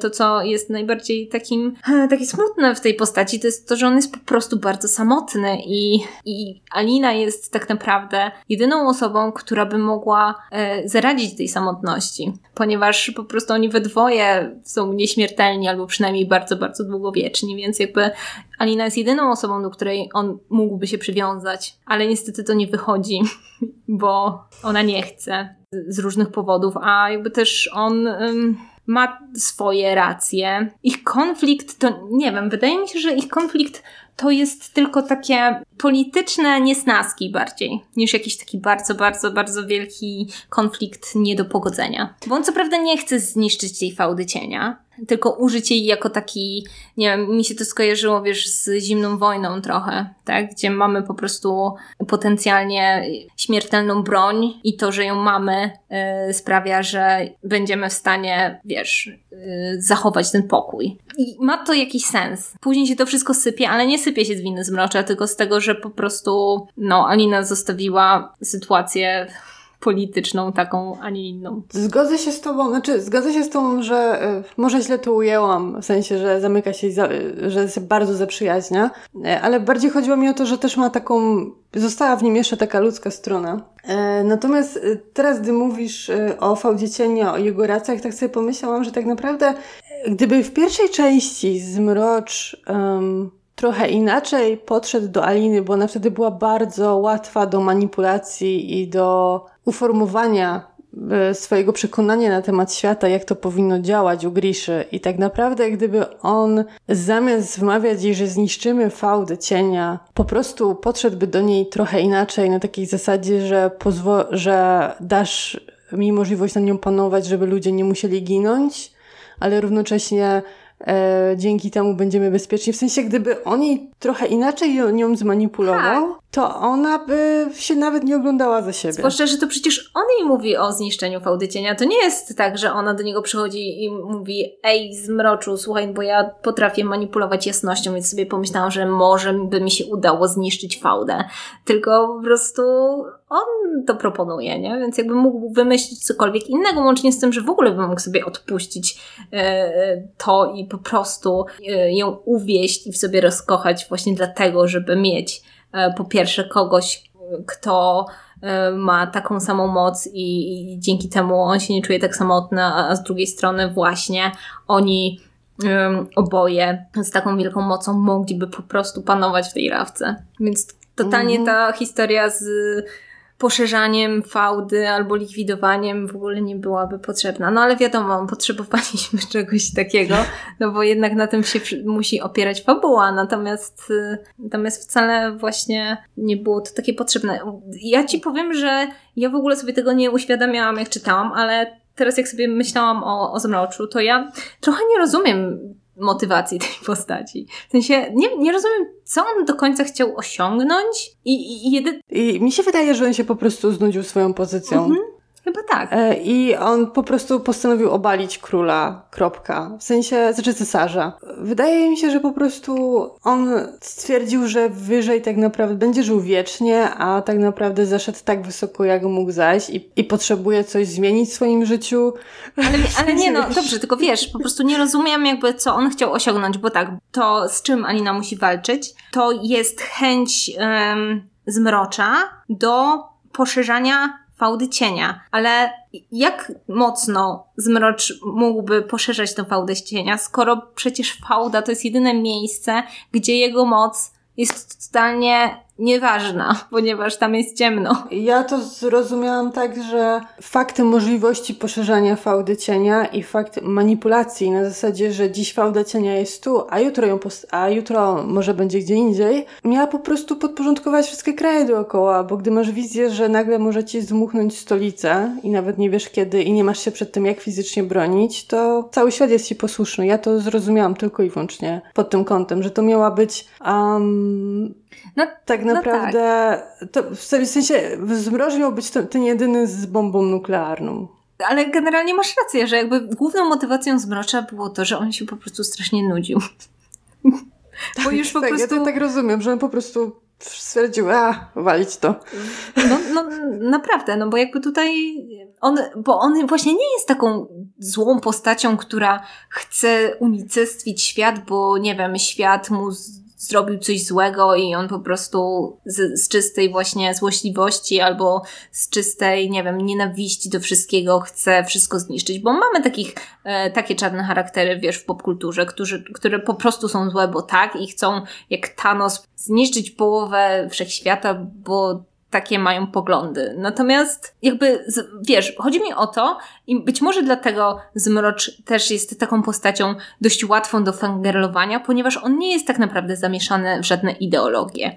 Bo gdyby on na przykład był, wiesz, takim e, rasistą albo na przykład kimś, kto uważa, że, że tylko Griszowie, znaczy oczywiście, że tam Griszowie mają rozbudowane ego itp., ale jakby tutaj nie mamy czegoś takiego, że, yy, że nie mamy tutaj frakcji, yy, wiesz, tak jak w świecie czarodziejów Harry'ego Pottera, gdzie czysta krew i w ogóle, wiesz, jakieś tam takie mhm. systemowe, mhm. powiedzmy, systemowa walka z czymś, z jakąś grupą albo coś takiego. Nie, Zmrocz po prostu jest graczem politycznym, który z racji swojego wieku się nudzi, a że yy, car jest beznadziejny, bo jest. No to postanawia po prostu wywołać małe zamieszanie, które się kończy dla niego tragicznie. I też właśnie to, co jest ciekawe w, w, relacji jego z Aliną, jest to, że on, on nie chce jej zabić. On do końca nie chce jej zabić i nigdy mu o to nie chodziło. Mhm. Bo gdyby tak, to było... on chciał, żeby byli parą.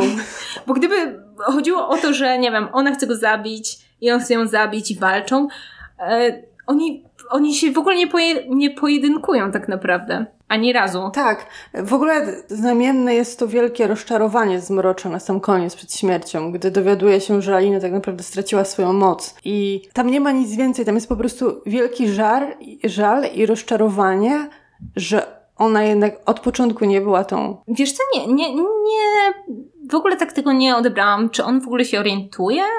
Że ona... Tak, on się orientuje na tak? sam koniec, że bo ona mu albo mówi, że nie ma mocy, um, albo on się orientuje na sam koniec yy, i, yy, już umierając. I tam jest taki, przynajmniej ja to tak odebrałam jako taki wielki, na zasadzie zmarnowałaś wszystko, natomiast coś jeszcze chciałam o Zmroczu powiedzieć. Aha, ja w ogóle też miałam takie wrażenie podczas czytania, nie wiem czy dobre, bo jak widać e, ile osób, tyle interpretacji różnych rzeczy w tej książce, czego się w ogóle nie spodziewałam, szczerze powiedziawszy, to jest też to, że e, z jednej strony wiemy, że Zmrocz stworzył fałdy cienia celowo, ale z drugiej strony miałam takie wrażenie podczas czytania, że on um, jakby przez jakiś okres swojego życia wcale nie był pewny, czy zrobił to dobrze, w sensie czy, czy, czy zrobił dobrą rzecz. Ja w ogóle nie uważam, żeby on zrobił to celowo. To znaczy, wydaje mi się, że przez całą książkę było napisane jednak, że on, że fałda cienia była e, przy, wypadkiem przy pracy nad wiesz,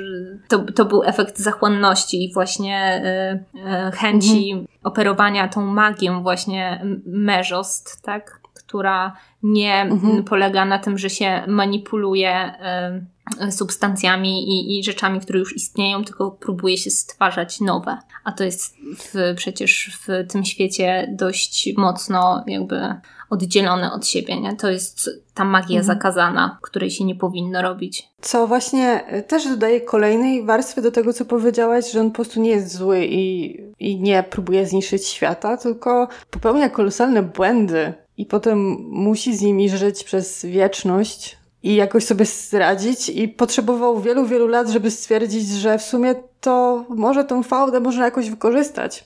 Dla mnie on typowo ma inne poglądy polityczne na sytuację Rawki niż Alina. Mhm. I, i, I to jest ich konflikt największy. W sensie Alina, ponieważ on jest od niej starszy o kilkaset lat, a Alina to po prostu odbiera, wiesz, zupełnie inaczej, jako po prostu właśnie walkę na śmierć i życie i o wszystko i w ogóle. A być może w ogóle cały ten konflikt jest taki wielki tylko z perspektywy Aliny, a z perspektywy Zmrocza to była tylko po prostu taka rozrywka która... Coś się zaczęło dziać. Coś się zaczęło dziać w końcu, nie? Więc myślę, że myślę, że tak, no bo jakby pojawienie się Aliny jedynej osoby, która ma tak samo dużą moc jak on, no to na pewno było dla niego czymś nowym i ciekawym. I musiał to trochę wykorzystać, więc, więc dlatego chyba Zmrocz może być postacią, którą się lubi, chociaż z drugiej strony, e, o ile ten taki trójkącik miłosny i, i jego relacja z Aliną jest taka elektryzująca, jak się ją czyta, no to jednak jest ona naznaczona takimi po prostu rzeczami, które nie są zbytnio dobre i, i nie ma tam, wiesz, tam pcha się do niej trochę z łapami bez pozwolenia. To prawda, tym bardziej, że w, wiemy doskonale, że Zmrocz e, również jest amplifikatorem i to, co Alina czuje, jakie przyciąganie czuje do niego, kiedy on ją dotyka, to nie do końca jest kwestią naturalną i to czuje każda grisza, którą po prostu zmrocz dotknie. Więc y, jest tym duży aspekt wykorzystania sytuacji i Zmrocz doskonale wie, co robi, Alina mniej. Alina zupełnie nie wie, co robi w tamtych sytuacjach. Natomiast mm, myślę, że książki to na tyle wyraźnie napisały, że to akurat jest bardzo dobrze poprowadzony wątek. To znaczy, wydaje mi się, że nie było taki, takiego momentu. Nie, przepraszam, był jeden moment, który Zmrocza niestety dyskwalifikował w tej całej erotycznej relacji. Czyli to była ta scena, kiedy on do niej przychodzi w nocy i mm. udaje mala i się po prostu do niej dobiera. I szczerze mówiąc, to była taka scena, która została napisana. Ja mam trochę żal po prostu do Bardugo, że to zrobiła, ponieważ to była taka scena, która miała po prostu rozgrzeć e, nastoletnie serca, ale tak naprawdę to trochę zniszczyła tego zmrocza, no bo jednak, zwłaszcza w dzisiejszych czasach, kiedy dyskusja na temat e, zgody i w ogóle jest jakby coraz głośniejsza i dobrze, i to jest bardzo ważna rzecz, jeśli chodzi o uczenie się relacji damsko-męskich, no to tutaj po prostu Zwłaszcza, że przecież on oczywiście, że tam lubi ją dotykać i w ogóle, ale jak przychodzi to do czego, to jednak pyta, czy może przyjść do tego pokoju, nie? W nocy. E, czy wiesz co, ja to odebrałam, e, tak, ta scena była dokładnie taka, jaka piszesz, tylko ja to po prostu odebrałam jako celowy zabieg, żeby trochę tego zmrocza, mm, żeby pokazać go jako tak stuprocentowo wyrachowanego, który po prostu posunie się do wszystkiego. I ja tą scenę tak odebrałam, natomiast ja mam 31 lat, więc w sumie faktycznie perspektywa nastolatki może być rzeczywiście zupełnie inna na tą scenę. Nie, no ja chciałam tylko powiedzieć, że jakby też nasz fangirling y, zmroczowy y, jest totalnie jakby racjonalny i my jakby widzimy to. To jest tak jak z każdym po prostu czarnym charakterem, tak, no Loki w ogóle. No ja wiem, że tam zabił 80 osób w 3 dni, no trudno, no. Jakby to działa trochę inaczej, tak? Postać, wiadomo, jest intrygująca na jakimś takim totalnie, wiesz, poziomie jakichś takich po prostu takim metapoziomie instynktów naszych, ale jakby ja to przyjmuję i w ogóle wiesz, no cieszę się i w ogóle strasznie się jaram serialem. E, i zastanawiam się właśnie, bardzo się zastanawiam nad Darkliną w serialu i mam wrażenie, że tutaj fanki Darkliny mogą się trochę zawieść, nie jestem pewna, czy pójdą w to, Wiem, że wszyscy na to czekają, ale jednak ta różnica wieku znaczy pomiędzy Aliną serialową a zmroczem serialowym jest dość widoczna, więc może to się będzie trochę creepy bardziej niż takie. Oj, szczerze? Przecież aktorki 20-letnie zestawiane są z 50-latkami jako małżeństwa i wszystko jest okej okay na wizji. Nie, nie będzie, moim zdaniem się To znaczy tak, ja wiem, że aktorka, która gra Alinę e, ma 25 lat, bo nawet to specjalnie sprawdzałam. Natomiast ona w tym serialu wygląda jak 17-latka. No, czy tam... Oj, oj wątpię, wątpię, żeby z tego zrezygnowali, szczerze powiedziawszy. Te, za dużo seriali młodzieżowych obejrzałam, żeby z tego zrezygnowali. Okej, okay, no może ja nie oglądam seriali młodzieżowych i nie wiem po prostu jak to jest. W każdym razie wiedziałam, że będziemy długo gadać, ale jeszcze mamy przy, przynajmniej Nikołaja do, do obgadania, bo powiem szczerze, że to jest chyba moja ulubiona i ukochana postać z tej trylogii. Moja też. I jeżeli, i jak mam fangirling na Zmrocza, tak nie jestem, tak, tak już nie wiem, co mam powiedzieć na Nikolaja, ponieważ a, jest jeszcze wyżej. I już totalnie nie wiem, jak to nazwać, natomiast jest to postać po prostu tak skonstruowana. Ja wiedziałam, że on jest, bo e, przewijał mi się, zanim zabrałam się za książki, to mi się przewijał w różnych postach, że to jest najlepsza postać całej trylogii, która pojawia się dopiero w drugiej części. Zresztą tobie też chyba pisałam, tak. poczekaj na Nikołaja. Tak, tak, dokładnie. E, I to w ogóle w jaki sposób on się pojawia w książce jako, jako pirat tak naprawdę, przepraszam, korsarz. Jako korsarz. I już widzę, że twoje serduszko po prostu black sailowe zabiło mocniej. tak. I to, jak on jest skonstruowany w ogóle, jak e, z jednej strony widać, że to jest faktycznie książę i to jest e, ktoś, kto jest wychowany na dworze, bo doskonale orientuje się w polityce, potrafi pociągnąć za sobą tłumy, a z drugiej strony jest tym chłopakiem, który w sumie prawdopodobnie jest bękartem i, i nie ma za bardzo na co liczyć i musi swoje wywalczyć i, i musi być tak naprawdę cwany w tym, jak żyje i co robi. I w ogóle wszystkie jego hasła są po prostu. Ja się chichrałam czytając jego, e, tak. jego dialogi z nim. To jest po prostu tak mądrze i tak inteligentnie napisana postać, że ukłony. Jest cholernie błyskotliwy. E, jest wynalazcą do, dodatkowo i jest cholernie ciekawy świata. Nie umie usiedzieć na miejscu i, i, i jest przystojny, jest inteligentny i dobrze sobie radzi właśnie w polityce, ale równocześnie może spędzić właśnie rok na łajbie i totalnie nie potrzebuje żadnych wygód i, i, jakiegoś tam blichtru i w ogóle. No jest idealny po prostu kandydat dla Aliny. Idealne. Też jak czytałam, to myślałam, że jeżeli ma się z kimś zejść, bo tak naprawdę w tych książkach nie do końca jest trójkąt, a czworokąt tak. i Alina musi wybrać między Malem Zmroczem a Nikołajem, to chce Mikołaja, ponieważ on był jako jedyny najbardziej z nią szczery i wprost do niej przyszedł i powiedział, słuchaj, nam tu pasuje związek polityczny, no niestety będziesz musiała mi urodzić mi dzieci, ale może to jakoś przeżyjemy. I zastanów się nad tym. Ale jednocześnie oni się przecież świetnie ze sobą dogadują, więc jakby... Tak, mieli najlepszą chemię tak. ze sobą. Dokładnie. I ja wiem, że tam Alina właśnie też uważa, że to jest kolejny po prostu manipulant w jej życiu, ale tak naprawdę właśnie on jest z nią szczery i, i tak naprawdę według mnie jego uczucie do niej, a jakieś tam było, było szczere całkowicie i potencjał był świetny i zastanawiałam się, czy autorka pójdzie w to, czy nie, ale właśnie obawiałam się, że nie, bo to by było takie, wiesz, wyświechtane, że sierota kończy z księciem, ale jednak ten książę nie jest fajny dlatego, że jest księciem, tylko dlatego, że po prostu miał najfajniejszą osobowość i nie wiem, czy nie był najlepiej napisany, najbardziej barwnie, jeśli chodzi właśnie o charakter. I dlatego na przykład zgadzam się z Tobą w kontekście zakończenia, że chyba bym wolała, żeby ten mal pozostał martwy. A ona skończyłaby z Nikołajem, e, po prostu angażując się politycznie z czasem, po prostu się w nim zakochując, tworząc fajną parę i też by mogła, podejrzewam, założyć ten sierociniec. Dokładnie tak. Dla mnie mogliby żyć nawet na tej ładzie. Podejrzewam, że ten sierociniec byłby jakiś taki super wypasiony, łącznie z tym, że właśnie mógłby się unosić w powietrzu. Zapewne tak.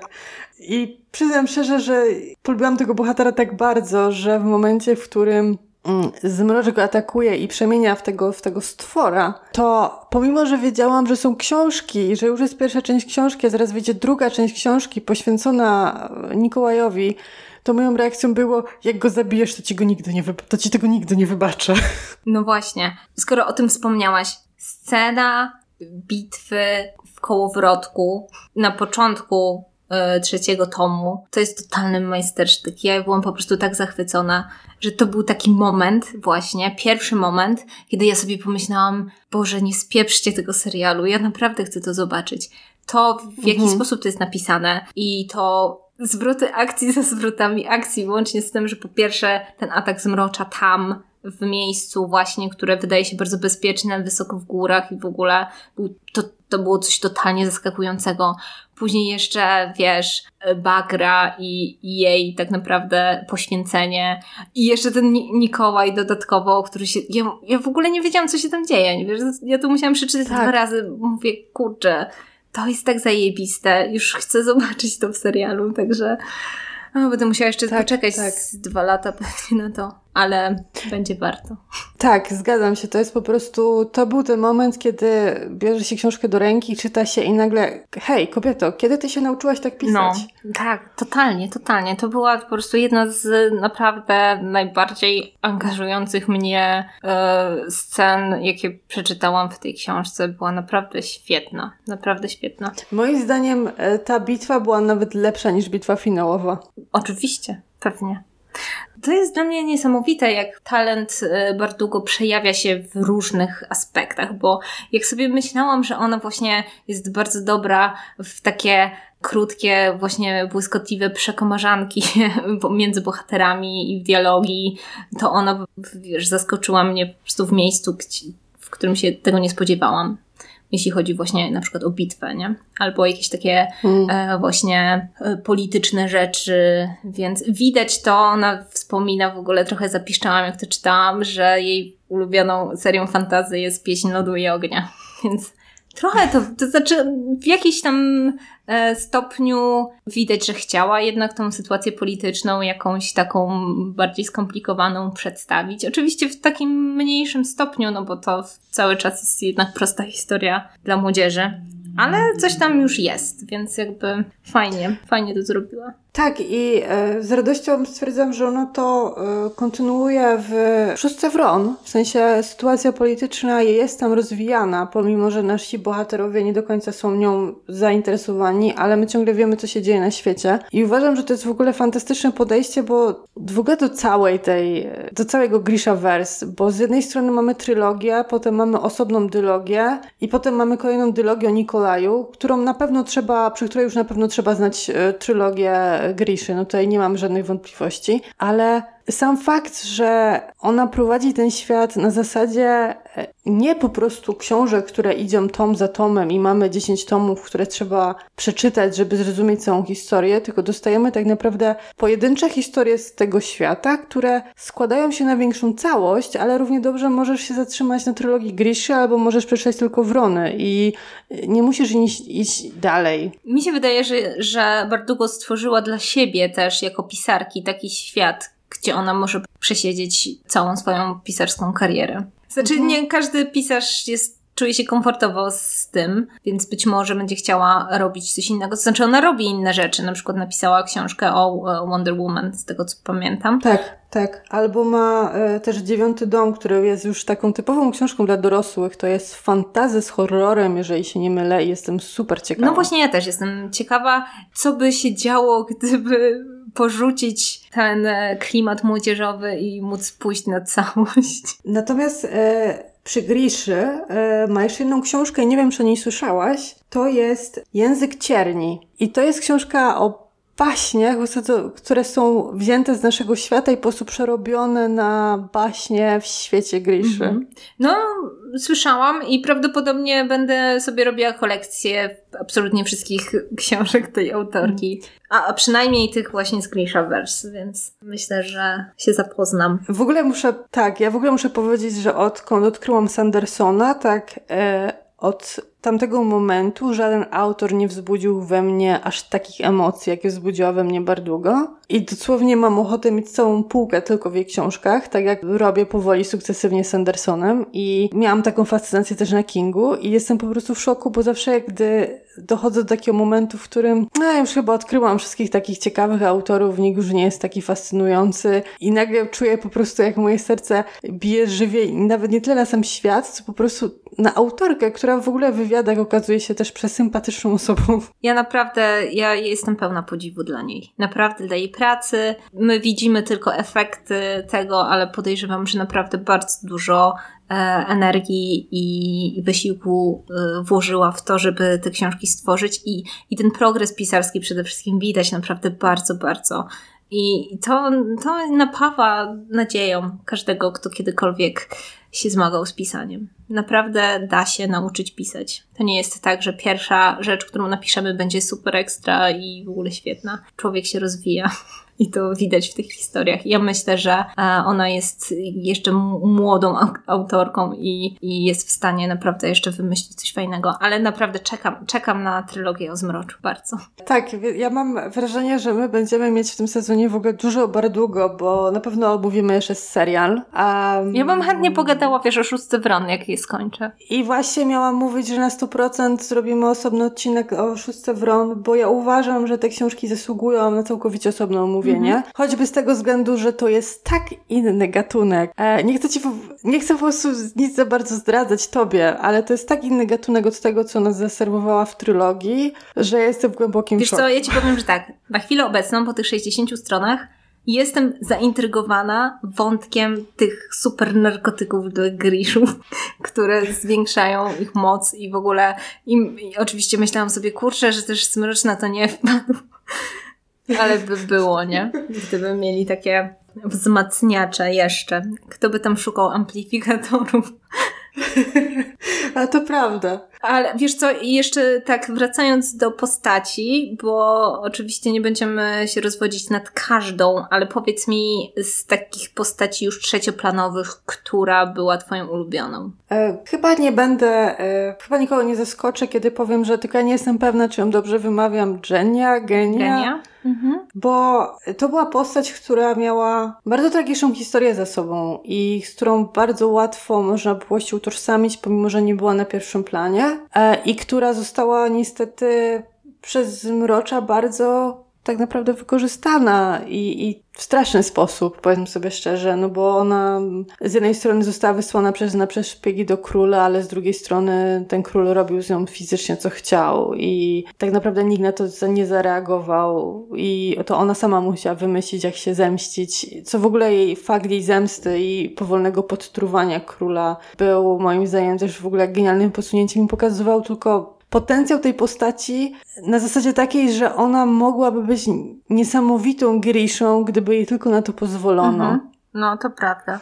W ogóle jakby to uniwersum jest pełne bardzo ciekawych y, kobiet i dziewczyn i właśnie kobiecych bohaterek które mhm. pokazują swoją siłę właśnie w różnych warunkach. To jest fajne, bo zazwyczaj w popkulturze, jak kobieta jest silna, to znaczy, że wywija nożem i w ogóle, wiesz, potrafi dać komuś po mordzie, a jakby tam jest y, takie większe zniuansowanie tego tak naprawdę, wiesz, co mogą bohaterki, że ta siła e, psychiczna tych bohaterek nie polega na tym, że nie wiem, potrafią właśnie się bić, tylko są też inne rzeczy ważne i właśnie pokazujące e, swoją moc i przewagę. I a propos tego, bo moją na przykład z kolei ulubioną taką trzecioplanową postacią jest chyba Bagra, czyli Matka Zmrocza. Mhm. I bardzo mnie cieszy, że e, Bardugo zdecydowała się na taką postać, bo jakby w każdej takiej historii um, musi być, wiesz, taka postać archetypiczna, takiego mędrca, który jest takim mentorem dla głównego bohatera, tak jak wiesz, Dumbledore w Harry Potterze. Tutaj mamy Bagrę, która jest oczywiście bardzo surowa, surową nauczycielką dla Aliny, ale jednak jak przychodzi co do czego, to jej pomaga i ma w sobie bardzo dużo mądrości, yy, której oczywiście Alina nie rozumie do końca i później dopiero faktycznie właśnie można sobie jeszcze raz przeczytać książkę właśnie pod tym kątem, co co, ile z tego, co mówiła Bagera się sprawdziło tak naprawdę. Bo myślę, że sporo. Ale powiem Ci, że e, był taki jeden fragment, który mnie bardzo zadziwił i sobie pomyślałam, że kurde, nie za bardzo widziałam to gdziekolwiek w popkulturze. I to był taki fragment, kiedy Bagra opowiada e, swoją historię, czyli, czyli to, że jest córką Morozowa, tak, i, i w ogóle. Mhm. I Alina w pewnym momencie pyta ją o ojca zmrocza. I ona się śmieje i mówi do niej, pewnie się spodziewasz jakiejś e, romantycznej historii, ale prawda jest taka, że po prostu chciałam mieć dziecko, poderwałam jakiegoś potężnego Grisha i, i mam. I, I to było takie odświeżające, w sensie tak mało mamy takich bohaterek, zwłaszcza w literaturze fantazy, które są kobietami i potrafiły się przyznać do tego, że po prostu chciały mieć dziecko, więc po prostu znalazły sobie faceta i sobie zrobiły dziecko. I że to nie jest właśnie zawsze jakaś taka tkliwa historia miłosna albo tragiczna, albo jakaś, tylko po prostu totalnie, wiesz, totalne życie, nie? Bardzo silna kobieta z wielką mocą, która czuła się samotna i po prostu w pewnym momencie chciała mieć dziecko. Takiego wątku też nigdzie nie widziałam i to jest w ogóle, pokazuje w ogóle, wydaje mi się, tą różnicę pomiędzy tym, jak kobieta przedstawia postaci kobiece, a jak przedstawia postaci kobiece mężczyzna, bo e, drodzy panowie, nie ujmując wam, wątpię, by taki wątek pojawił się u męskiego autora. Tak. Albo byłby napisany w taki sposób, że byłby może trochę bardziej przeseksualizowany, nie powiedziany tak po prostu, a to było takie napisane na zasadzie, no, no życie. Nie, no. no normalne, nie? Jakby, że są kobiety, które po prostu nie czują potrzeby posiadania, wiesz, faceta w swoim życiu. I, I tyle, nie? Mhm, dokładnie. Tylko zresztą mamy strasznie dużo postaci tragicznych, bo ona z kolei jest tą postacią, tak jak mówiłaś, że e, żałujesz, że Alina nie zmaga się z jakimś wielkim grzechem, który próbuje naprawić, to Bagra jest taką postacią, która po prostu wie, że myślała, że wychowuje zmrocza najlepiej jak w najlepszy sposób, a wszystko, co tak naprawdę zrobiła w jego wychowaniu, było jednym wielkim błędem i e, musi zmagać się przez wieczność z tym, kogo wychowała i tak naprawdę, że zmrocz tym, kim jest, jest jej winy. No to prawda. I to jest bardzo Wydaje mi się też w ogóle w, rzadki wątek w literaturze. Takiego rodzica, który musi odpowiedzieć sam przed sobą, że no nie zrobił dobrej roboty. No totalnie, dlatego że wiesz, właśnie w takiej literaturze, zwłaszcza takiej fantazy, no to zazwyczaj jest tak, że właśnie mamy sieroty i albo po prostu te sieroty są e, szlachetne, bo ten ból z dzieciństwa, właśnie straty rodzica albo coś takiego, jakby skierował ich na jednak te dobre tory, ale z drugiej strony mamy właśnie antagonistów czy czarne charaktery, które zazwyczaj też miały jakiś wielki problem z rodzicami, że albo po prostu był okrutny, albo go nie było, albo właśnie umarł i to wydarzenie było czymś, e, co sprowadziło go na złą drogę. Natomiast w, w, przypadku Zmrocza totalnie jakby to jest wyłamanie z tego schematu, ponieważ on miał matkę, która go bardzo wspierała i bardzo kochała. Chciała go uchronić przed złem świata, no i przez przypadek stworzyła e, kogoś, kto jest za bardzo opętany władzą i, ale to nie jest główny problem, po prostu stworzyła kogoś, kto jest po prostu bardzo zamknięty na innych ludzi i nie dopuszcza do siebie po prostu innych i przez to się staje coraz bardziej zimny i bezwzględny.